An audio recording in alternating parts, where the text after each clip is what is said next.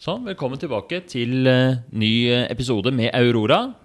Du er eh, en, en returnerende gjest. Yes. Du har vært her før. Mm. Hvordan går det? Fortell litt hva som har skjedd siden sist. ja, sist så var jeg her fordi jeg ville bli motivert til å begynne å tegne igjen. Ehm, det har gått sånn passe. Jeg jo, har jo tegna mye mer nå de siste månedene enn jeg gjorde i hele 2020. Så Ja. sånn sett så har det gått bra. Men det er jo fortsatt ganske sporadisk. Ja, Eh, så jeg tenker jeg har noe å jobbe med der. ja nemlig. Mm. Men så fordi da Da du kom hit, så hadde du da, hadde liksom tegninga lå litt sånn på hylla. Mm. Men siden sist så har du vært Har du kjøpt deg pult? Yes, en tegnepult som Ja. kan stilles litt sånn skrått. Oi, Mm, kult. Ergonomisk og bra. Og så har du litt nye, nytt utstyr og sånn. Mm. Og jeg har vært med på et kurs på Skillshare, eller jeg har liksom tilgang til Ja. kurs der, da. eh, som jeg har sett de fleste filma, og Mm. underveis og gjort sånne hjemmeoppgaver der. Så det har jo blitt mange ark med Ja. geometriske figurer. Så kult. Jeg har liksom satsa på det å begynne som nybegynner igjen, da. Ja. For å liksom ta bort noe av presset på å være så flink. Ja. Um, så det har jeg gjort. Og det har vært uh, litt morsomt og litt anstrengende. ja. Uh, Men det, jeg har jo på en måte Jeg har fått til en del, syns jeg. Ja. Mm. Så bra. Ja. Er det, hvordan føles det å ha vært igjennom en sånn endringsprosess? Det føles uh, ganske bra, og så fortsatt så tenker jeg jeg har litt igjen. Ja, Mm. Du har en tanke om at du burde tegne enda mer, eller noe sånt. Det er en sånn eh, Det burde få mer rutine på det. Ja. er litt mer sånn at det ble, ble en enda mer naturlig del av hverdagen. Ja, du vil ha det helt sånn Når er det godt nok, liksom? Hvordan ser det ut da? I hvert fall ukentlig, da. At Ja. det liksom Ja, tegne kanskje hver helg, for Ja. Mm. Så du har ikke lyst til å gå sånn en helg uten å tegne? Da får du en eller annen sånn følelse i deg? Sånn der, ja, nå mangler det noe, eller? Ja, da har liksom ikke endringa vært helt sånn vellykka, føler jeg. At Ja. det er litt tilbake okay. til uh, mm, grøfta. Ok. Mm. Jeg syns det høres ut som det har vært en, en stor endring, og at du Mhm. har fått tegna masse. Um, men ja, at du, eh, du fortsatt er litt sånn ja, jeg vil mer. Ja. ja. Men um, i denne episoden av Ambivalens Mm. så er det et nytt tema du har lyst til å snakke om. Ja, det er det. Jeg har eh, begynt å vurdere å kutte ut alkohol helt. Ok. Så det passer veldig bra med ambivalens, for jeg vet jo ikke helt hva jeg vil. Ja. Um, og så er det litt sånn meg å gå all in, enten eller, på en Ja. måte. Men det er ikke sikkert at det er nødvendig, eller at det er nødvendigvis er det beste. Uh, men jeg er jo egentlig veldig glad i øl. Mm. Uh, har vært det i mange år, og det har liksom vært en sånn uh, viktig del av hverdagen som jeg forbinder med kos og helg og ja. Um, og så har jeg jo jeg har hatt et helt sånn moderat forbruk, tenker jeg. I hvert fall de siste liksom etter studietida. Da. da var det jo en del festing, sånn som det er for de fleste. Um, eller mange. Men i de siste åra så tenker jeg liksom Drikker sånn gjennomsnittlig pluss for en som er glad i øl. Um, men har liksom hele veien tenkt at det er jo antageligvis ganske skadelig. Kanskje noe av det mest skadelige jeg driver med, i tillegg til å kjøre bil i hverdagen. Uh, men jeg har liksom lukka øya litt for det. Ok. Hvor eh, moderat forbruk, hvor mye er det cirka? Uh, inntil nå i starten av desember, da vi kutta ut alt helt, så har jeg kanskje drukket to-tre halvlitere hver fredag, to-tre hver lørdag, og så én i løpet av ukedager, Ja. liksom. Så seks halvlitere Seks-sju halvlitere i løpet av uka. Ja. Så eh, det er jo i hvert fall ikke et høyt forbruk. Nei. Og så sted mo- moderat eller lavt forbruk med alkohol. Mm. ja. Og det er mest øl det går i, ikke Ja. vin og sprit. Stemmer. Ja. Nesten bare øl.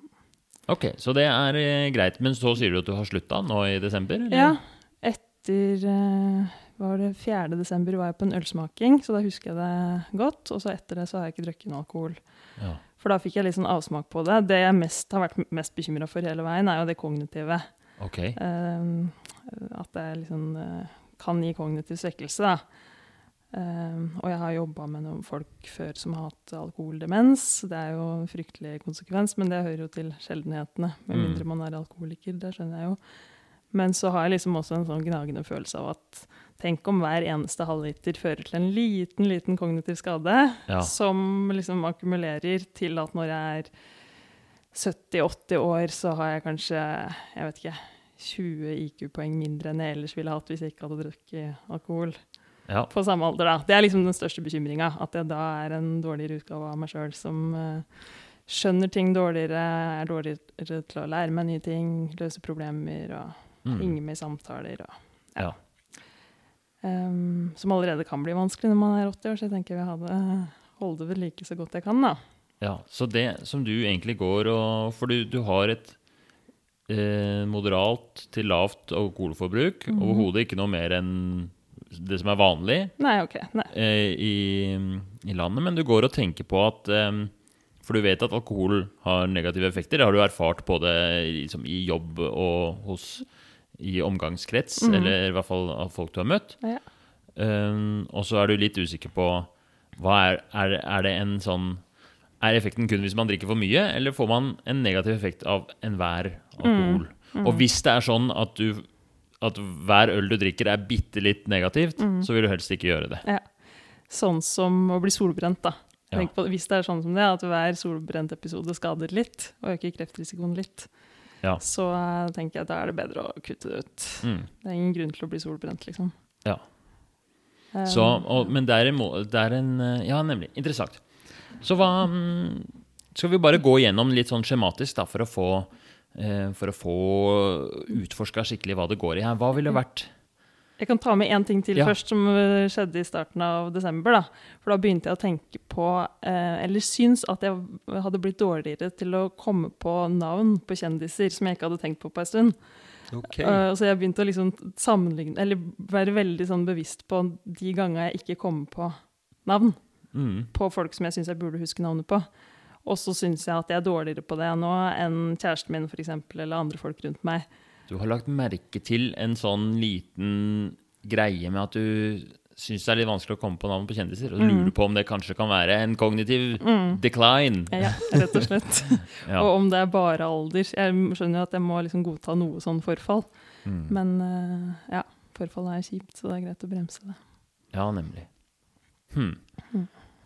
Ok, ja, nei eh, er det, er det liksom en sånn frykt for å Eller det er en sånn litt sånn Litt angst for å glemme ting Eller for å miste hukommelsen eller miste kognitive evner? Ja, rett og slett.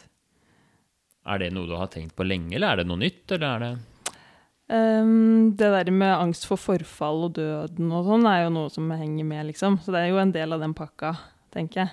Både solbrentskader, som jeg også er veldig redd for, og alkoholskader, da. Men uh, det har blitt litt uh, Tar litt mer plass enn alkohol nå, mm, det siste. Nå i det siste har Ja. det tatt litt mer plass. Ja. Så det er en, men, men ja, fordi det er en sånn en frykt for Det kommer vi jo sikkert mer inn på under liksom etter hvert, da, men det er en sånn generell sånn derre engstelse. Mm. Også nå i det siste så har det vært alkoholen som har vært på en måte fokus for Ja. den engstelsen. Ja. Og jeg er, ikke, jeg er nok ikke mer engstelig enn andre generelt, men det er liksom det med døden og aldring og forfall er liksom Ja. min greie. Mm. Ja, fordi det kan være andre ting som andre er engstelige for, som du ikke er så redd for. Ja. Men akkurat døden, å bli gammel, og, og eventuelt skulle på en måte bli eh, litt mindre kvikk i, i toppen, liksom, det er sånn som du Det virker kjipt. Ja. Mm. Det tenker du litt på. Ja. Ok, Og det du tenker nå, er at øh, du vurderer å slutte å drikke Mm. alkohol. Og det henger sammen med den med det eller, Ja, det relaterer du til den engstelsen. Men la oss Ja. gå gjennom. Hvis vi først tar øh, Hvis du skulle fortsatt sånn Ja. som før, da. Hva ville vært fordelene med det? Det smaker veldig godt med øl, syns jeg. Uh, gir mye nytelse. Ehm, og det er jo en så stort eh, spenn av ja, forskjellige øltyper og liksom mange sånne smaksopplevelser i det, da. Og så er det jo eh, ganske sånn sosialt og koselig. Det er noe som jeg og kjæresten min har sammen som en sånn interesse, om man kan kalle det det. Ja, prøve for nye øltyper og ja, noe vi, som jeg forbinder veldig med helg. Så det er noe med Det øker liksom helgkosen, og det er jo en viktig del av livet for meg.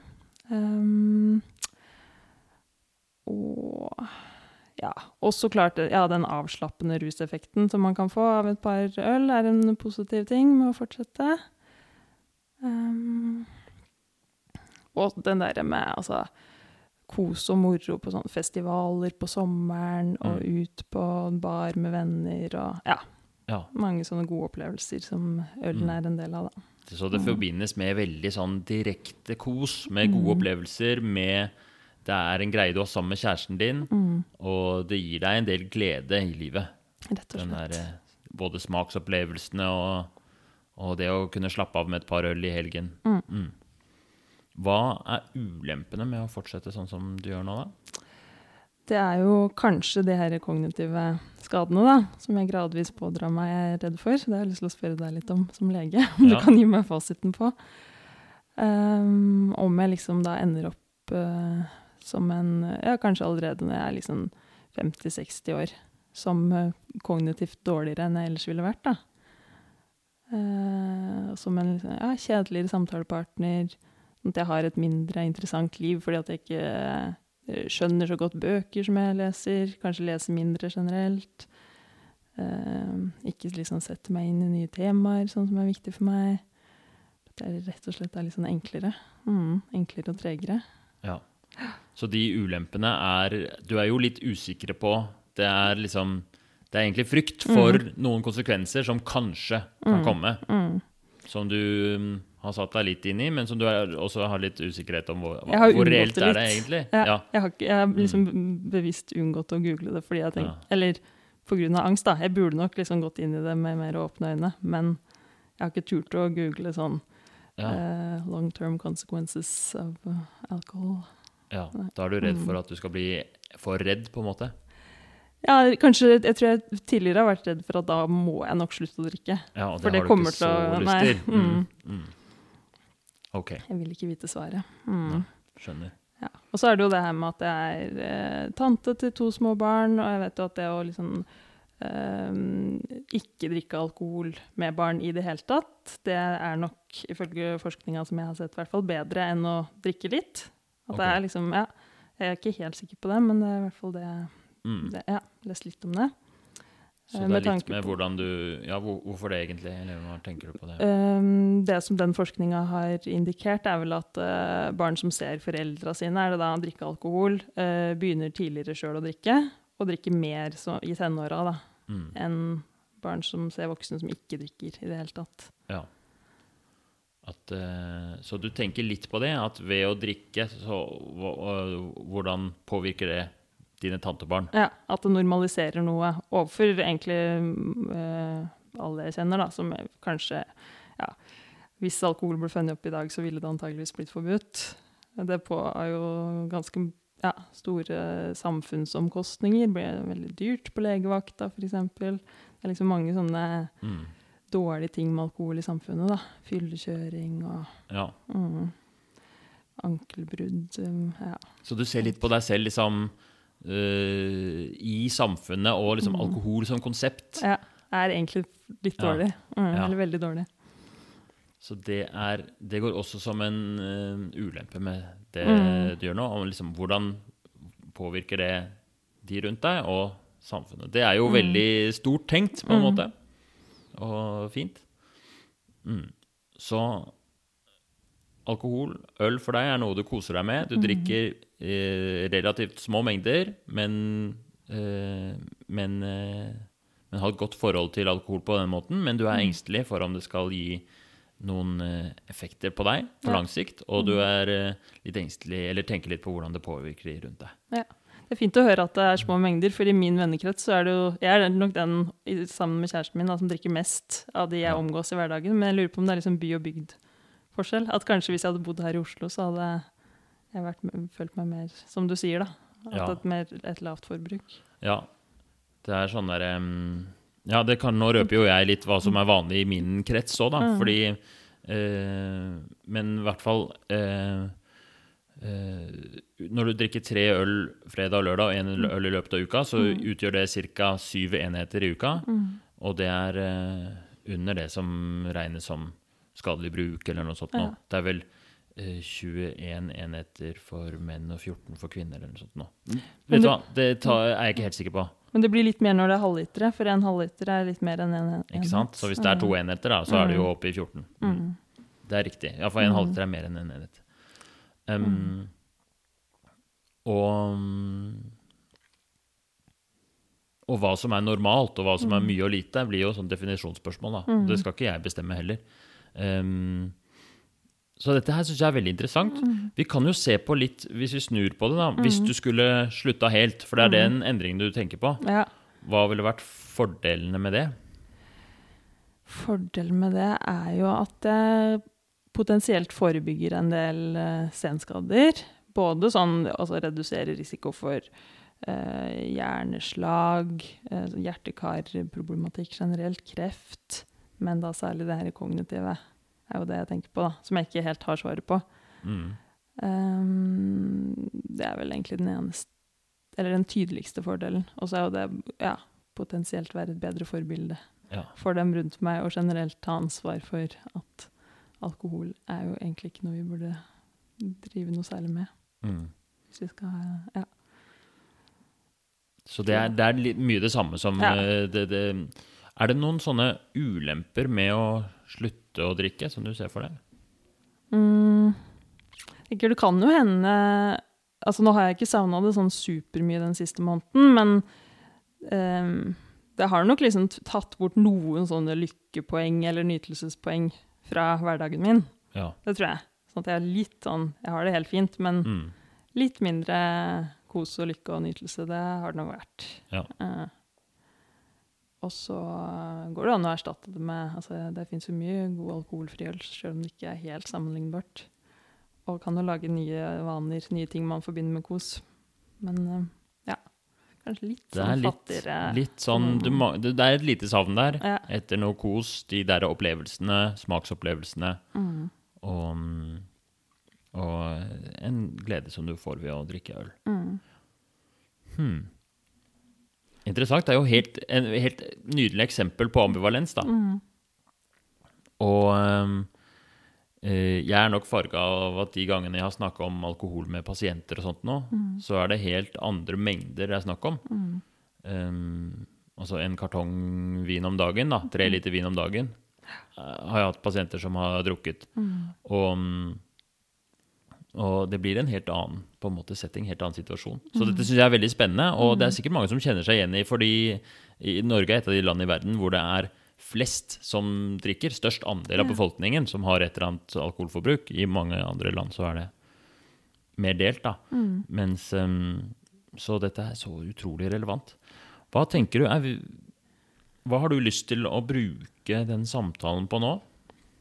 Eh, jeg er jo litt nysgjerrig på også om du eh, kan noe om det, hva som liksom ja, hva man kan forvente da, av sånne mildere kognitive svekkelser ved Mm. sånn moderat forbruk når man blir 50, 60, 70, 80 år. Ja, Så du har lyst på litt uh, inside information Ja, fra legefaglig. legefaglig? Hva, uh, hva, hva, hva lærte vi i forelesningen om alkoholskader? Rett og Mm. slett. Eh, Um, ja, vi kan ta en liten, jeg kan ta en liten regle på det. eh. Er det noe mer du tenker også Så kanskje uh, finne litt ut av det der med altså, uh, ja, hvor jeg skal legge meg. da. Om jeg liksom uh, skal, vil kutte ut helt, eh, vil finne en mellomting, vil fortsette akkurat sånn som før. mm. Um, ja. Så du har litt lyst til å, å legge litt plan, egentlig, og komme Mm. fram til noe? Mm. Tenke litt høyt og ta en beslutning? Ja, det tror jeg. Uh, Mm. Ja. Eller, ja, fordi du er um, Ok, skal vi begynne med da uh, at jeg nå Nå har ikke jeg forberedt meg på dette her, nei. og uh, jeg er heller ikke ekspert på, på senskader av alkohol. Så, men kan jo, vi kan jo diskutere litt, og, og, mm, og jeg kan eh, prøve så godt å formidle det jeg kan. da. Mm. For det er ingen tvil om at alkohol har skadelige effekter. Mm. Eh, det ser man i, i forskning, at eh, jo mer alkohol man drikker, jo større sjanse er det for å få en rekke skadelige effekter. F.eks. kognitiv svikt da, og alkoholrelatert demens. Og mm, det som jo er litt eh, nøkkelspørsmålet, er hvordan er det den effekten funker? Er det sånn at, sånn som du nevnte, for hver øl så mister du Mm. eh, en liten promille, liksom, med, gjerne med IQ. Mm. Og så er det bare at eh, At eh, Du merker det ikke før det du merker det ikke før det har liksom gått, gått langt. Mm. Eller er det noe med at sånn som um, med mange ting, at hvis du har veldig, altså hvis du har et veldig stort forbruk, det er først da skadelig det kommer, og hvis du Mm. har et lavt forbruk, så vil du ha liten skade av det. Mm. Det er jo kjempeviktig for deg å vite. Mm. Det vil jo påvirke hvordan du ser på det, ikke sant? Mm. Og eh, problemet er jo at eh, det er litt vanskelig å si for, altså, Man kan jo si noe om det på gruppenivå. Mm. Og sannsynligvis så er det en sånn mellomting på, på, på gruppenivå. At hvis hele befolkningen drikker kjempemye, så blir de, får de store skader. Hvis de drikker litt, så får de mindre skader. Og hvis de ikke drikker noen ting, så får de jo ingen skader. Um, og alkohol er negativt for, eh, for kroppen, så selv det å drikke litt vil ha negative effekter. Men det går nok i en sånn, uh, sånn kurve, sånn at, uh, sånn at andelen Altså problem per alkoholenhet er større jo mer du drikker, på en måte. Det, er, det som er farlig, er jo litt på samme måte som solbrenthet. Så er det, det er ikke farlig å få litt sol på huden, men det er når du får så mye at du blir solbrent, da skjer det større skade. Og litt på samme måte, det er de gangene hvor du blir skikkelig drita og får blackouts og sånt noe, det er virkelig skadelig for hjernen. Mens et sånt em, lavt forbruk em, vil leveren i større grad klare å, å ta unna, da. Og det er først når leveren blir skikkelig skada, at det er virkelig da det begynner å bli ordentlig store skader på hjernen nå, fordi da Men jeg er ikke ekspert på dette her, så nå, nå bare jeg eh, tar dette litt sånn på strak arm. Det må vi ha med i mente. Men em, det som alltid er viktig å ha med seg, er at vi kan ikke vite hvordan alkohol vil påvirke deg. Fordi din kropp er annerledes fra alle andres kropp. Og i forskning så ser man på et gruppenivå. Noen kan drikke masse og få lite skade av det, mens andre vil kanskje få skader av bare litt alkohol. Så, så uansett hvor mye eh, vi leser og lærer, så vil det være forbundet med usikkerhet. Så du vil aldri kunne vite hvor mye er grensa, og hva er sunt og sånt noe for meg. Um, så, um, så Men i hvert fall, det du kan vite, er at forbruket ditt er, er, eh, det er ikke høyt. Det er, eh, det er moderat, og det er ikke det som regnes som en sånn Det er ikke et forbruk som man advarer mot. Nei. Så Folkehelsedirektoratet sier ikke at eh, Eller nei, Folkehelseinstituttet eller Helsedirektoratet jeg, jeg husker ikke helt hva det siste de sier om alkohol er, men de vil jo at man skal ha begrenset alkoholforbruk. Men de, eh, det er ikke store kampanjer som går ut på at folk som drikker syv øl i uka, skal kutte de. Nei. Det er ikke noe Men om det er fordi eh, man ikke vet nok om det, eller fordi de tenker at det ikke er liksom så populært uansett, det vet jeg ikke. Nei, ikke sant. Om det har noe for seg. For det er jo litt annerledes med sigaretter. Der er det jo ja, Ja. røykesluttkampanjer, eksempel. Ja, Så tenker jeg kanskje egentlig eh, burde det vært det samme, den samme Ja, holdninga for alkohol. Jeg vet ikke. Det er en helt annen holdning fra, fra helsemyndighetene til alkohol enn til sigaretter. På mm. sigaretter er det sånn alle skal slutte, det her må vi ikke drive med. Mens alkohol så er det mye mer sånn integrert i samfunnet og mye mer aksept for at det skal vi drive med. Mm.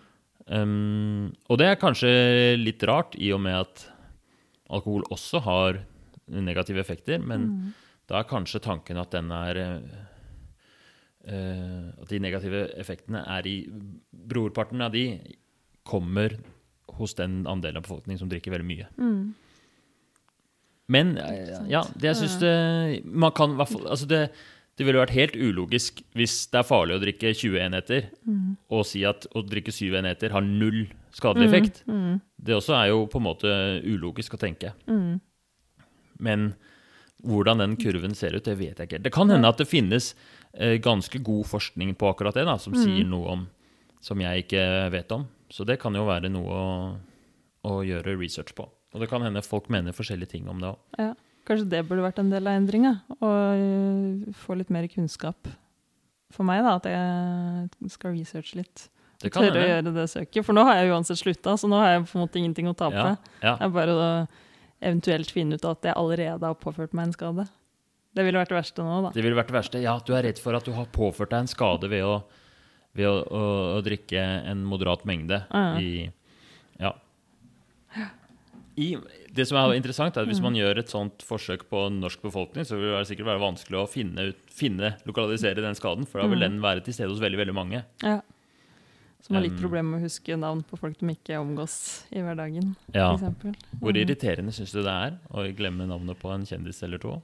Eh, ikke så veldig akkurat det. Det er Mm. mer på grunn av det det kanskje betyr. Ja. For meg, da. Det jeg tolker det som. Mm. Mm. Men uh, det var veldig interessant. At det med levra, og at det er liksom når man blir skikkelig full, at uh, Ja. det største Eller at skaden på hjernen virkelig kommer, da. ja. At det er eh, ved en høy alkoholpromille Mm. så vil alkohol påvirke kroppen i større grad. Mm. Og altså, når du har drukket og vært alkoholiker i mange år, så vil etter hvert eh, leveren svikte. Mm. Og når leveren svikter, så eh, For leveren er, sitt ansvar er jo å bryte ned en del giftstoffer og blant annet. Eh, Så når leveren svikter, så får man, eh, får man plutselig en helt annen sammensetning av stoffer i blodet som er kjempeskadelig. Ja. Og da kan eh, du virkelig få skade på hjernen og sånn. ja, ikke sant. Mm. Um, ja. Mm. Og så er det vanskelig å si hvor, mange, hvor mye av de der alkoholskadene er, liksom, kommer som følge av ting som er knyttet til alkoholen. Mm. Hvis, du har drukket, hvis du drikker veldig mye alkohol, så er det større sjanse for at du er utsatt for vold, utsatt Mm. for andre typer traumer, at du faller og slår deg, Mm. at du spiser usunt, at du røyker sigaretter. Så det er jo eh, en sammenheng der, da. Ja. Så hvor mye syv skarve øl i uka har å si, vanskelig å si. Kan hende at det har en bitte liten negativ effekt, men det at det skal forårsake en demenssykdom eller noe sånt, nå syns jeg eh, Nå blir det synsing. Det er viktig nå, nå, Ikke tenk på at jeg er lege men det syns jeg er litt sånn eh, Hvis man skal være bekymret for det, så er det mye man skal være bekymret for, da. på en måte. Ja. Litt overdramatisk ut. Men jeg tror nok heller ikke det at jeg kommer til å få en alkoholdemens. Altså. Så det er mer den der mer diffuse skaden Ja, jeg er redd for. Som det kan godt hende at liksom mange rundt oss har, som man ikke tenker over Ja. i hverdagen. Da. For man, vi merker jo ikke på folk om de har en Altså Når man snakker med folk i hverdagen om de har en IQ på 120 eller 110 eller 100, men det er Mm. liksom i visse situasjoner, da. Ja. Og det der å miste en sånn kapasitet som man ellers ville hatt, sjøl om andre ikke kommer til å liksom merke at nå og hun eh, finner ikke veien hjem, eller hun eh, greier ikke å kjøre bil Ja. lenger. Det er ikke det jeg tror. Det er ikke det, men det er den Nei. derre at du ikke hadde det funny svaret, liksom. Og kanskje det med For du sier jo Altså, kognitivt så vil man jo ha en bitte liten svekkelse bare av alder. Mm. Og de reservene man har, vil jo man jo gjerne beholde, liksom. Ja, det er akkurat det.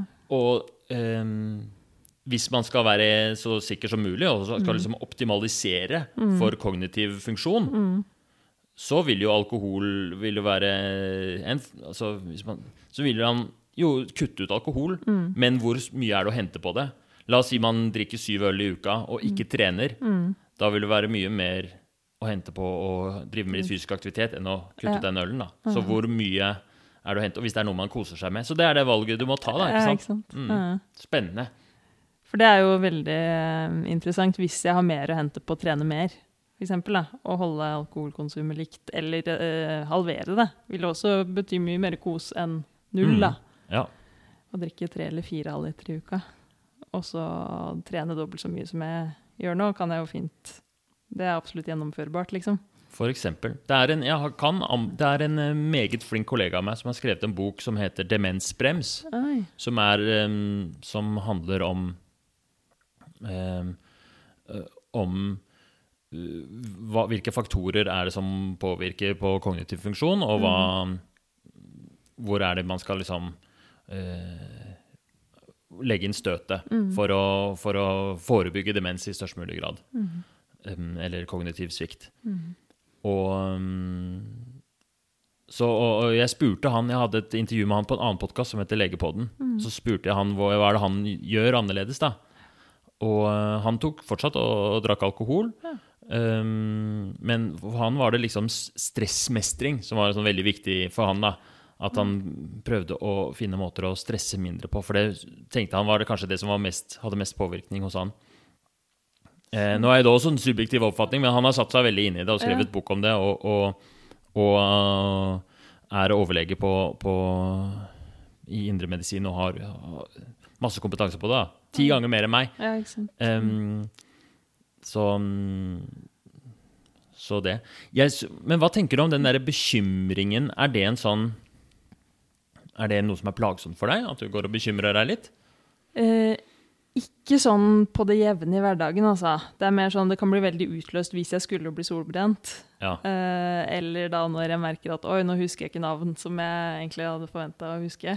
Mm. Um, men det er jo ganske enkle løsninger på det, og det funker veldig bra. da. Altså være eh, supernøye med solkrem og kutte ut alkohol, f.eks. Ja. Da går jeg ikke og bekymrer meg Nei, noe mer etter det. Så det er ganske sånn Jeg kommer fort tilbake til den der uh, nøytrale tilstanden. Ja. Ja. Så det er ikke egentlig for Noen har jo sånn helseangst som er virkelig hemmende.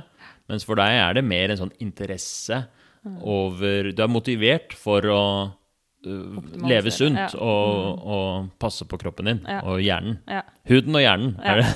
det er de to viktigste områdene. Mm. Ja.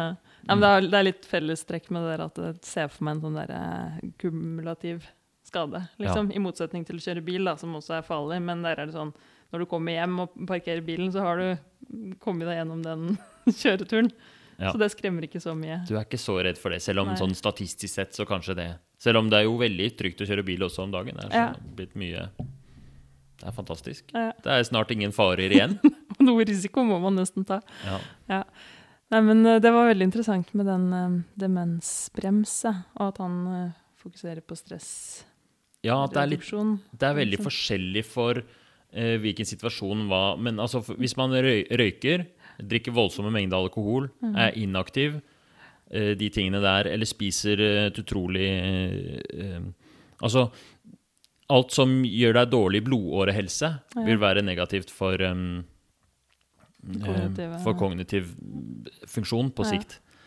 Um, men det vil være litt forskjellig fra person til En ting som også er viktig, som han øh, presiserer, er jo det at man bruker hjernen aktivt. Ja. Ikke sant, lærer seg nye ting, eller ja, Ja. tenker på ting. Så må si, det ikke Det høres litt sånn der eh, forfengelig ut at det liksom at jeg skal være så smart og morsom og sånn når jeg blir gammel, for det er egentlig ikke det som er det viktigste heller, men det er mer sånn å kunne fortsatt, eller forhåpentligvis fortsatt gjøre en god jobb eh, som behandler i BUP når jeg er 50-60, ikke sant? Ja. helt fram til jeg går av med pensjon. Ikke at det kognitive ikke skal stoppe meg da fra å skjønne hva Ja. Altså se sammenhenger i ting. Ja, ikke sant? og- Du er jo ja. litt ambisiøs, og du har lyst til å gjøre en god jobb. Og ja, jeg syns det er Det er jo et veldig Det er jo veldig fint. Det er ikke, ja, det er ikke for å liksom ha en sånn super fasade, tror jeg, men det er liksom ja, Ja. for at det skal være litt sånn kvalitet i det jeg gjør. Da fortsatt være god tante Ja. for tantebarna mine. Mm. Og liksom kunne Ja. Det henger litt sammen med dine verdier. ja det, jeg tror det. Det er, eh, for deg er det viktig å være god tante, god behandler. Mm. Andre ting eh, Det er kanskje også det der med å kunne fortsatt lære meg nye ting. Ja. Ja. Jeg blir gammel. Mm.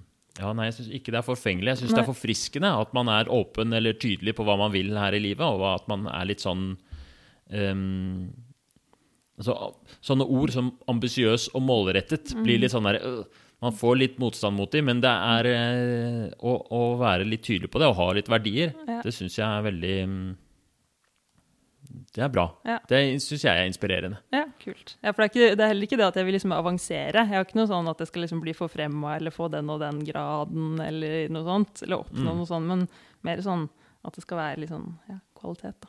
Ja. Mm. Kvalitetsbevisst. Ja. Det er en verdi for deg. Mm. Hørtes ut som en butikk. ja, men det er jo det. Ja. Mm, hva tenker du om sånn videre plan med tanke på alkohol? Fordi nå er det sånn at du drikker ikke i det hele tatt. Nei. Siste måneden har jeg ikke gjort det. Ja. Mhm. Hva foreslår du? Videre. Ehm, ja, én mulig vei er jo å lese meg litt opp, da. Tørre å google på Scholar. Ja. Sånn, ja. Cognitive consequences alkohol. Uh, og så lese litt i den demensbrems, kanskje. Ja, det, var, det, det kan godt hende det. Jeg tror det er en god kilde. Nå er jo det litt uten Det handler jo ikke kun om alkohol, da. Men Nei. Det er sikkert et kapittel om det. ja. Mm. Så jeg kan absolutt anbefale den. Men Ja. uh, hvert fall Så det, uh, det å, å uh, le, tørre å lese deg opp Mm. og tørre å møte fakta, Mm. det syns jeg også er veldig interessant. For da kan du gjerne, hvis du kommer fram til noe lurt, Mm. Eller hvis jeg har sagt noe gærent, Mm. så kan du skrive i den gruppa Ja. og rette på meg. Mm. For det er jeg litt redd for. At jeg har eh, promotert et alkoholforbruk som ikke er sunt, for Ja, ikke sant. Ja. Mm. Ja, men det, det skal jeg gjøre. Da har jeg også noe eh, som forplikter litt. At jeg må melde tilbake til alle medlemmer i gruppa. Ja. Som lurer på, sikkert lurer på hvor mye de skal drikke. Ja. Mm. Jeg, altså, det er jo en, eh, en eh, Akkurat det med alkoholen, den er, Mm. eh, for den er så inne i samfunnet vårt. Det er så naturlig at um, Nå er det jo 2. januar når vi spiller inn dette, Mm. og um, jeg hadde en telefonsamtale med en kompis i går. For jeg hadde bestemt meg for å ha hvit måned i januar, Ja. fordi det ble litt mye alkohol i desember, og Ja. det føles deilig å ha en fresh, hvit måned, liksom. Og så spurte jeg han hva, skal ikke du også ha med hvit måned. Eller, eh, for han, ja, han hadde snakket om det tidligere. Og så var han sånn Nei, men jeg kan ikke av at da skal jeg det og det. Og så Nei, men jeg må den og den. Så var det liksom Enkelte situasjoner i livet er sånn alkoholforpliktelse, nesten. Det er, eh, det, så, så det er eh, et tema som er kjemperelevant. Jeg er veldig spent på hva andre folk sier om det. Så hvis noen har noen innspill, noen spennende innspill i den alkoholdebatten i samfunnet, er send inn. Veldig, ja, det er jeg veldig glad for å få, altså. Det var kjempespennende. Mm. Nei, for det er veldig, det er så interessant. Altså, jeg har, jeg har jo lufta det litt til venner og kollegaer og sånn, at det her er noe jeg funderer på. Og jeg får en ganske annen respons enn jeg tror jeg ville fått hvis jeg var sånn av og til røyker, Ja. for eksempel. Ja. At for da ville jeg nok antageligvis fått mye støtte. At ja, men Ja. så kult at du tar det steget nå, liksom.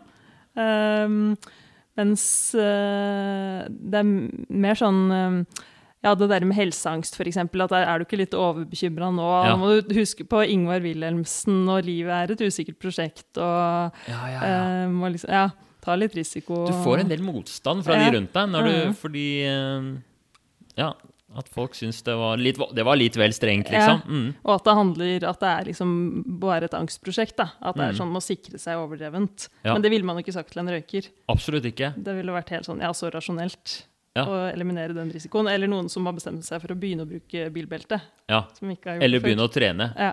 Mm. Det er veldig interessant hvordan Mm. akkurat den der eh, alkoholen er en sånn felles oppfatning om at det er, eh, det er verdt det. ja, det skal vi ha. Mm. Det er verdt risikoen. Og da tror jeg jeg ser litt for meg at vi alle lukker øya for risikoen, kanskje. da. Ja. Det er det jeg mistenker litt. Veldig interessant. Jeg Mm. tror eh, Det er ikke mange som hadde hatt vondt av å drikke mindre. Nei. Altså, det vil jo Det kan jo ikke skade. Kan ikke det? Nei. Det kan jo ikke det. Nei. Men uh, det er den derre um, Det er den derre um, kulturelle For det er masse kulturer hvor det ikke er noe alkohol i det hele tatt. Ja, ikke sant. Og eh, Ja, jeg tror ikke folk går rundt og tenker at uh, den kulturen er dårlig fordi Nei. den ikke drikker alkohol. Nei. Men kanskje man også går nesten rundt og tenker det, at alkohol er blitt sånn derre uh, At vi ser ikke for oss et samfunn uten alkohol, nesten. At vi, det skal være julebord og champagne på 17. mai, liksom. Ja. Åssen kan man liksom ha en uh, fin nyttårsaften uten alkohol? Mm. Jeg ser for meg Jeg tror det. At det, det virker som et eh, stort offer. Har du noen triks til hvordan eh, Fordi jeg husker da jeg Jeg hadde en periode hvor jeg uh, slutta å drikke helt. Mm. Eh, var, varte i nesten et halvt år. Og mm, da var det veldig så Hver gang jeg sa nei takk, jeg har slutta å drikke og bestilte meg Munkholm eller noe, så Mm. fikk jeg spørsmålet. Hvorfor, eh, hvorfor det? Hvorfor har du slutta å drikke, egentlig? Folk var veldig nysgjerrig. Mm. Eh, har du noe triks til hva du svarer på det spørsmålet?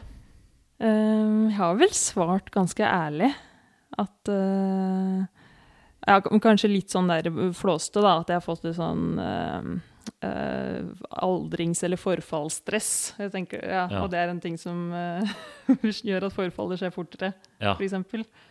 Um, men eh, ja. Og det legger jo litt opp til at folk skal komme og liksom ha noen innvendinger òg, da. Ja, da legger du Ja, ikke sant. Det er, jeg, det er veldig naturlig hvilken vei samtalen går da. Ja. Da blir det litt sånn Nei, men ikke tenk på det. Det er vel ikke så farlig av mange grunner, da. Berolige meg, liksom. Mm. Og folk blir kanskje litt bekymra selv, Ja. og vil helst lukke øynene. Mm.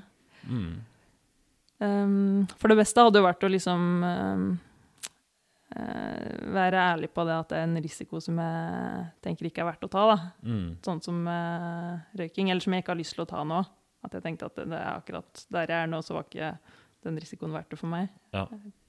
Jeg husker i hvert fall en ting som slo meg i den perioden hvor jeg fikk det spørsmålet hele tiden, var at jeg syntes det var så irriterende og hele tiden måtte forsvare det. Det er ingen som ville sagt sånn hvorfor, hvorfor skal du slutte å røyke? Nei. Så jeg endte med å si sånn nei, det vil jeg ikke snakke om. Nei. Og da var folk sånn ah, ok. Da trodde de jo at jeg var en al alkoholiker, da. Men, men jeg syns nesten det var bedre Ja. enn å måtte drive og ha den samme kjedelige samtalen igjen og igjen. Mm. Jeg kjører, kan man jo si, da. Det kan man si. I hvert fall på bygda. Ja, men da ljuger man igjen, da. Ja. Mm. Men um, Nei, dette var spennende. Hva skal vi gjøre nå? Uh, du har en slags plan som er egentlig en researchplan. ja.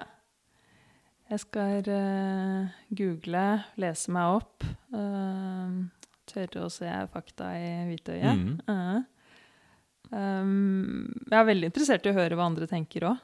Ja, Litt sånn andre synspunkt på det. Vi kan ha en, starte en liten debattråd inne Ja. på gruppa, som det bare er å melde seg inn i. Jeg sender link i, i, i beskrivelsen på podkasten her. Eh. Det blir, ny, det blir nytt forsøk. Jeg aldri har prøvd å ha ordentlig debatt. Inne på. Vi får se om folk melder seg på, eller om folk eh, holder igjen. Men hvis du har noe innspill om alkohol, enten argumentet for hvorfor det er fint å ha et visst alkoholforbruk, eller eh, mot, eller hvis du kan noe om senskader eh, som veier for eller imot, Mm. så kom gjerne med det. Ja, det er veldig ønska.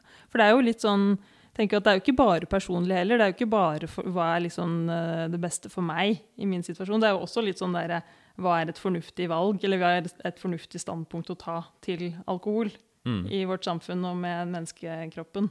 Og er det liksom, ja, på generelt nivå mer eh, skade enn gagn, eller motsatt? Litt opptatt av det Ja. lykke-lidelse-regnestykket. Ja. Ja. Mm. Ja, fordi eh, sånn ska man kan jo finne et eller annet sånn objektivt svar på hvor skadelig er det, men det er jo veldig subjektivt hvor mye glede man har av det. Da. Ja. Veldig. Mm. Mens det får ikke røykerne mm, lov å argumentere med. Den derre at det er en Hvor digg er røyking for deg? Er det verdt det? Det er liksom aldri et argument. Nei. Du skal slutte. Mm. Det er veldig sant. Hmm. Samme med ulovlige rusmidler. At det er også Ja, den, eh, ja. den rusen man får da, er på en måte Det teller ikke. Nei, den må du bare eliminere. Ja. Det er ikke Det er ikke verdt det uansett. Nei. Mm. Det er, det er lettere å argumentere for, da, ikke sant? i hvert fall så lenge det var ulovlig. Mm. Mens um, um, Ja, men det er, ja, det er, eh, det er et tydelig sånn der, Det er veldig forskjell. Ja. Det er noen verdier der. Mm. Litt, um, I hvert fall fint å få et mer bevisst forhold til, tror jeg. For min del. Ja. At det var det som bare er sånn derre uh, Ja, samfunns... Uh, det er, ja, I samfunnet vårt så mener vi at alkohol er viktig og bra. og... Mm. Samfunnets alle drikkepress. Ja, hva er samfunnets drikkepress, og hva er faktisk reelle fordeler? Ja. Skal vi oppsummere? Ja. Du har øh, lyst til å slutte å drikke. Du har tatt desember allerede tjuvstarta Ja. og har ikke drukket alkohol. Og syns det har vært fint på en måte. Ikke vært noe stressa, men kanskje savna det litt. Mm. Fordi du er glad i øl, og du forbinder øl med nytelse og med sosiale lag og er interessert i det. Mm. Gode smaksopplevelser. Men du er litt engstelig for hvordan det kan påvirke deg på sikt kognitivt. Mm. Uh, og tenker også at uh, du gjerne ha et bevisst uh, forhold til alkohol. Særlig sånn med tanke på de rundt deg og forbilder for dine tantebarn. Ja. Er det sånn cirka ambivalensen? ja, rett og slett. Mm. Og så har jeg prøvd å vakle meg gjennom hva jeg har å, å bidra med om alkoholens eh, skadevirkninger, som jo var veldig lite spesifikt, men i hvert fall eh, noe om, om eh, hvordan alkohol virker på kroppen. Og eh, så har vi funnet ut at vi må ha mer informasjon, egentlig. Ja. Det er eh, svaret med to streker under. Men jeg syns det er noen interessante aspekter med alkohol. Jeg synes det var veldig spennende den samtalen. Jeg ble inspirert. Ja, gjorde du det? Ja, jeg skal ha hvit måned, jeg òg. Ja. Skal fortsette med det. Ja. Jeg har oppdaga noen veldig gode alkoholfrie øl på polet. Oh, ja. Mye bedre enn, det, enn Munkholm og Klaus okay. Liksom. Ok. Så det kan Beklager til Munkholm og Klausdaler, men Jeg er ikke sponsa av Ja. eh, Vinmonopolet, Ja. men det var, det var fint å utforske, i hvert fall. Litt Så eh, fint. flere muligheter. hva er Mhm. favoritten? Har du en Jeg husker ikke navnet på den, men det var en IPA-type. Um, den kan jeg også legge ut på gruppa. Mhm, ja. Da blir det en IPA-reklame på gruppa mm. sammen med siste nytt om alkoholens eh, påvirkninger. Ja. Tusen takk for at du ville stille opp. Er det noe mer? Vi har litt tid igjen, da, hvis det er noe mer du har lyst til å, å bruke intervjuet til. Hmm, godt spørsmål. Jeg har jo i hvert fall blitt litt sånn påminnet eh, hvor mye jeg setter pris på alkohol når jeg ser sånn filmer, f.eks. Folk som er på konsert, eller folk som er ute på sommeren på filmer. At det er veldig mange sånne situasjoner som Mm. jeg sjøl tenker da, at det blir ikke det samme uten Ja. alkohol. Ja. Så jeg skjønner jo veldig godt de innvendingene folk kommer med også. Ja, du har vist ganske sånn viljestyrke nå. Desember er ikke den letteste måneden å kutte Nei. heller. Så du har gått hele måneden uten, eller nesten hele måneden uten alkohol. Ja. Det var veldig familiejul, da. Ja. Så det var jo Ja, det passa bra. Og det var liksom Ja, nå skal det være barnas jul. Mm. Mange ville synes det var vanskelig. da. Hva Ja. er det du har gjort for å få det til? Um, vi har jo kjørt ganske lik linje. Altså stort sett. Jeg og samboeren min hun har drukket litt, da, men òg de vi har feira jul med. At det har vært uh, brus og alkoholfritt. Ja. Alle. Ehm, ja. Og så bare kjøpe inn masse gode alternativer, da. Og forskjellig godt drikke. Ja. Som ikke- Det å bytte det ut med noe annet, sånn at det blir minst mulig savn, liksom. Ja. Mm. Og så har du Fordi det, du, du har kutta helt, du har ikke tatt og redusert. Nei. Fordi det kan også være vanskelig hvor, hvis man reduserer hvor mye, men ved å Mhm. kutte helt, så har du i hvert fall gjort en veldig sånn tydelig begrensning. da. Ja. Jeg merka også litt ru- i starten av desember, da, før jeg hadde kutta helt, at eh, da jeg begynte å tenke på det med å huske navn og sånt, at det smakte ikke like godt. Fordi Ja. at det var litt sånn Ja, men hva er det jeg gjør? Det, ja. Hvor mange hjerneceller dreper jeg med den ølen her? Ja. ja. Så Ja, da ble det ganske lett, på en måte. Mm. Det har ikke vært så fristende. Men det er det der, alle de situasjonene og minnene som er sånn ja. Mm. Og dra på ferietur, åssen blir det hvis jeg Ja. skal fortsette med det her? Ja, ikke sant. Ja. Sitte på Kreta, spise en, eh, en eh, gresk salat, og så ikke ha en retsina til. Hva er poenget med det? Veldig rart og uvant. Og sitte på stranda og Nei, det, blir, ja. det er mye sånn eh, som er liksom så innprenta. ja. Mm. Nei, men jeg er imponert, og veldig glad for at du mm, stilte opp. Og syns det blir spennende å høre hvordan dette går. Jeg er veldig glad jeg fikk komme en gang til. Mm. Det er, vi- da har vi to. Det må jo nesten bli tre. Jeg syns det er veldig rart å ha to intervjuer, så vi må, du må få finne Ja. neste tema, og så tar vi en trilogi. Eller oppfølging på Eller oppfølging på alkoholen. Mm. Det vil jeg gjerne. Lykke til med alt du vil, og tusen takk for at du stilte opp. Takk for at jeg fikk komme. Sånn, det var den episoden med Aurora. Veldig fin episode. Gøy å høre om det alkoholprosjektet. Alkohol, noe som veldig mange har et eller annet ambivalent forhold til. Så perfekt tema for podkasten Ambivalens. Ok, det er masse jeg syns var interessant med det Aurora sa, og hvordan den samtalen utviklet seg. For eksempel den dynamikken som det er mellom Aurora og vennene når hun forteller de at hun hadde et prosjekt, hun hadde håpa å få litt støtte. ikke sant? Hun hadde et alkoholsluttprosjekt, og så får hun ikke støtte, hun får motstand. Hun får det eh, at folk er sånn Ja, men eh, er det så farlig? Ja, hva med Det er jo ikke sikkert eh, det er så farlig for deg. Folk er veldig opptatt av å på en måte dempe hennes bekymring. Eh, det som er liksom grunnen til at hun har lyst til å drikke mindre, og har lyst til å korrigere det. Og det er et bare så perfekt eh, eksempel på korrigeringsrefleksen, eller hjelperefleksen, som, eh, som er et veldig, veldig viktig tema i motiverende intervjuteknikken, og egentlig som jeg syns er et eh, Det er et sånn utrolig fascinerende fenomen i, i psykologien, eller hvordan vi kommuniserer med hverandre, at med en gang noen har en sånn liten bekymring, så blir vi veldig opptatt av å trygge. Det er nesten som en sånn ryggmargsrefleks. Og jeg merka det selv òg, at jeg også fikk lyst til å sånn, jobbe litt med den er det, er det for mye bekymring her? Men hun sier jo det. det er ikke det, Den bekymringen plager henne ikke. Det er en, eh, en reell bekymring som hun har lyst til å, å, finne ut av, og som motiverer henne til å drikke mindre. Hun skulle egentlig ønske hun fikk mer støtte, eh, og syns det er litt rart at hun får motstand når hun vil slutte å, å, drikke alkohol, men hun ville ikke fått det hvis hun skulle slutte å røyke, f.eks. Jeg tror det kommer fra jeg tror det er en sånn der hjelperefleks som ligger der. At man har lyst til å, å dempe andres bekymringer. At vi har lyst til å, å, hjelpe folk å være bekymringsfri. Men det kommer jo også sikkert litt fra en sånn derre um, egenfornektelse, kanskje, om uh, alkoholbruk. Kanskje man ikke har lyst til å tenke på at man drikker for mye selv, og så, så blir det til at man, man uh, får temaet over på det. Da. Veldig interessant, den dynamikken som oppstår. Um, litt morsomt at hun gjør endringen først. At hun i starten av desember bestemmer seg for å uh, slutte å drikke, men hun tør ikke å gjøre researchen. Før nå er det sånn Ok, kanskje jeg skal egentlig sette meg litt inn i hva, hva som er fakta om alkohol og eventuelle senskader. At uh, Jeg syns egentlig ikke det er noe problem at man gjør det. så lenge man, altså Nå har hun gjort endringen, og så står hun i det, og så gjør hun research. Det er sånn som det ofte foregår. Uh, jeg tror mange liksom impulsivt kjøper seg et eller annet på nettet, og så, etter at man har bestilt det, så begynner man å lese anmeldelser av det.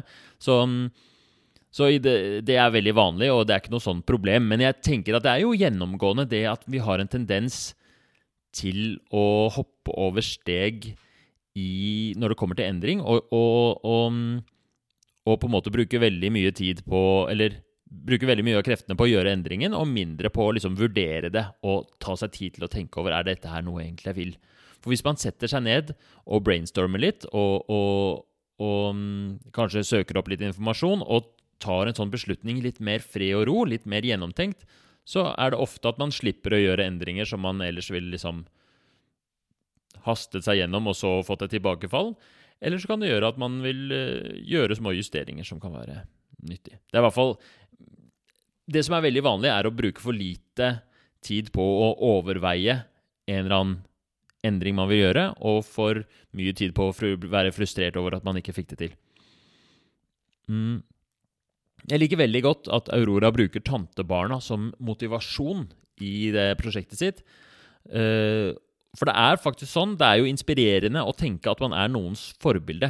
Så det kan man ta til seg, egentlig du som hører på, at hvis du har en eller annen endring Nå er det jo nyttårsforsettperiode, liksom. Hvis du tenker at eh, du har lyst til å gjøre noen endring, ta og så ha med deg det at ved å gjøre den endringen, så er du kanskje et forbilde for noen andre. Det kan være en sånn ekstra inspirasjonskilde det er liksom et triks å se på seg selv som et forbilde, og på den måten så setter man endringen i et større perspektiv. At man, eh, at man gjør det ikke bare for seg selv, man gjør det også for de rundt seg. I denne episoden her så ble jeg jo nødt til å uttale meg faglig sant, som lege om alkohol. Og eh, jeg var ikke forberedt på Jeg visste jo at vi skulle snakke om alkohol, men jeg hadde ikke tenkt så langt at jeg burde forberede meg litt på å lese meg litt opp på på senskader og sånt noe, så det kom litt på mm, strak arm. Og Det er skummelt. Jeg syns det er ubehagelig nå også. Jeg har mest lyst til å bare slette hele den biten før jeg legger ut, fordi det er, eh, det er Særlig når man er en fagperson, så er det veldig ubehagelig å uttale seg sånn litt klønete, kanskje. Kanskje jeg sa noe som var feil. Men jeg tror det er en egentlig litt sånn eh, dum tendens i samfunnet. Så jeg har tenkt å legge ut alt sammen, og jeg oppfordrer eh, fagpersoner og leger til å eh, i større grad synse og legge ut eh, påstander og meninger og være aktive i samfunnsdebatten om eh, medisinske tema, eller tema man kan noe om. Selv om man ikke er helt sikker på hva som er riktig, selv om man selv om det kan være gråsoner og sånt noe. For vi eh, lever i et eh, Altså, i, verden nå så er det jo uendelige mengder med informasjon og medisinsk informasjon som blir bombardert hos altså Det er så mange sånne TikTok-kontoer av folk som kommer med tips og råd. Og så mye av informasjonen er feil og dårlig og unyansert.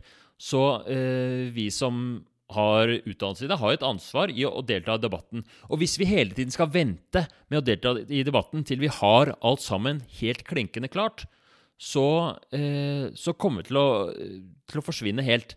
Så jeg tenker, som lege eller fagperson, så er det fint å uttale seg. Ikke vær redd for å si noe feil, være litt unøyaktig. Eh, bi deg ut i gråsoner. Eh, kanskje være litt bastant og si noe som eh, kan hende være feil. For det som er så fint, det er at hvis du sier noe feil, det som skjer da, er at du blir korrigert. Jo, vi har jo nettopp snakket om korrigeringsrefleksen, hjelperefleksen. Det er ingenting som skaper debatt og som får eh, fakta på bordet raskere enn noen som påstår noe feil. Så hvis du går ut og tar en sjanse og sier noe feil, så kan du banne på at i løpet av kort tid så blir du korrigert, så lærer du noe nytt selv, og så bidrar du. Så kan du dementere det i hvilket nå enn medium det er du snakker i, da, eller i sånn som i dette mediumet, hvor vi skal ha litt diskusjon inne på Facebook-gruppa etterpå. Da er det helt perfekt. Så eh, jeg håper jo at det jeg har sagt, er sånn noenlunde riktig, og at det er eh, gir mening. Nå var jeg jo ikke så veldig spesifikk eller så veldig påståelig akkurat, da. Men hvis jeg har sagt noe feil, så kommer noen helt sikkert til å, rette på det og diskutere det, og så er det sånn vi lærer. Hvis alle går og venter til de har alle fakta på bordet, så kommer vi til å sitte stille i hjørnene våre, hele gjengen, og det blir en eh, dårligere debatt. Og de eneste som kommer til å eh, få oppmerksomhet da, det er de der eh, TikTok-tullingene, liksom, som bare kommer med bullshit og spekulerer i eh, skandale. Ok. Så eh, jeg skal nå da lage en tråd i den Facebook-gruppa som heter ambivalensoppfølging, eller, eller sånt. Jeg lager link i beskrivelsen her. Eh, så da går det an å, hvis man har noen innspill Hvis man har noen synspunkter på alkohol, f.eks., noen personlige erfaringer med å drikke mindre, drikke mer eh, Hvis man har noen kunnskap om senskader, eller noen teorier, eller um, kanskje en, uh, du har en god metafor, eller hvis du har gode råd til folk som har lyst til å drikke mer hvis, noen, hvis, du har lyst til å drikke mer, så tror jeg du får til det. Hvis du har gode råd til de som vil drikke mindre, eller til, ja, eller til hvordan man skal, uh, burde se på alkohol i samfunnet, så gjerne kom med innspill der. Alt er uh, velkomment. Og det er jo fortsatt en liten gruppe, så det er ikke sånn Men jeg håper at vi får litt aktivitet da, på akkurat det spørsmålet. Og så håper jeg at Aurora etter hvert kommer med, med, en liten oppdatering der, når hun har lest seg opp også. Så alt i alt, spennende episode. Syns um, Aurora er jo veldig reflektert og, og, og gjør seg godt og, og, spennende å snakke med. Og, jeg håper uh, dere som hørte på, fikk noe ut av den episoden her. Hvis det er noe spørsmål, så er det bare å sende på Messenger eller Instagram til Herman Egenberg. Ha en fin dag videre.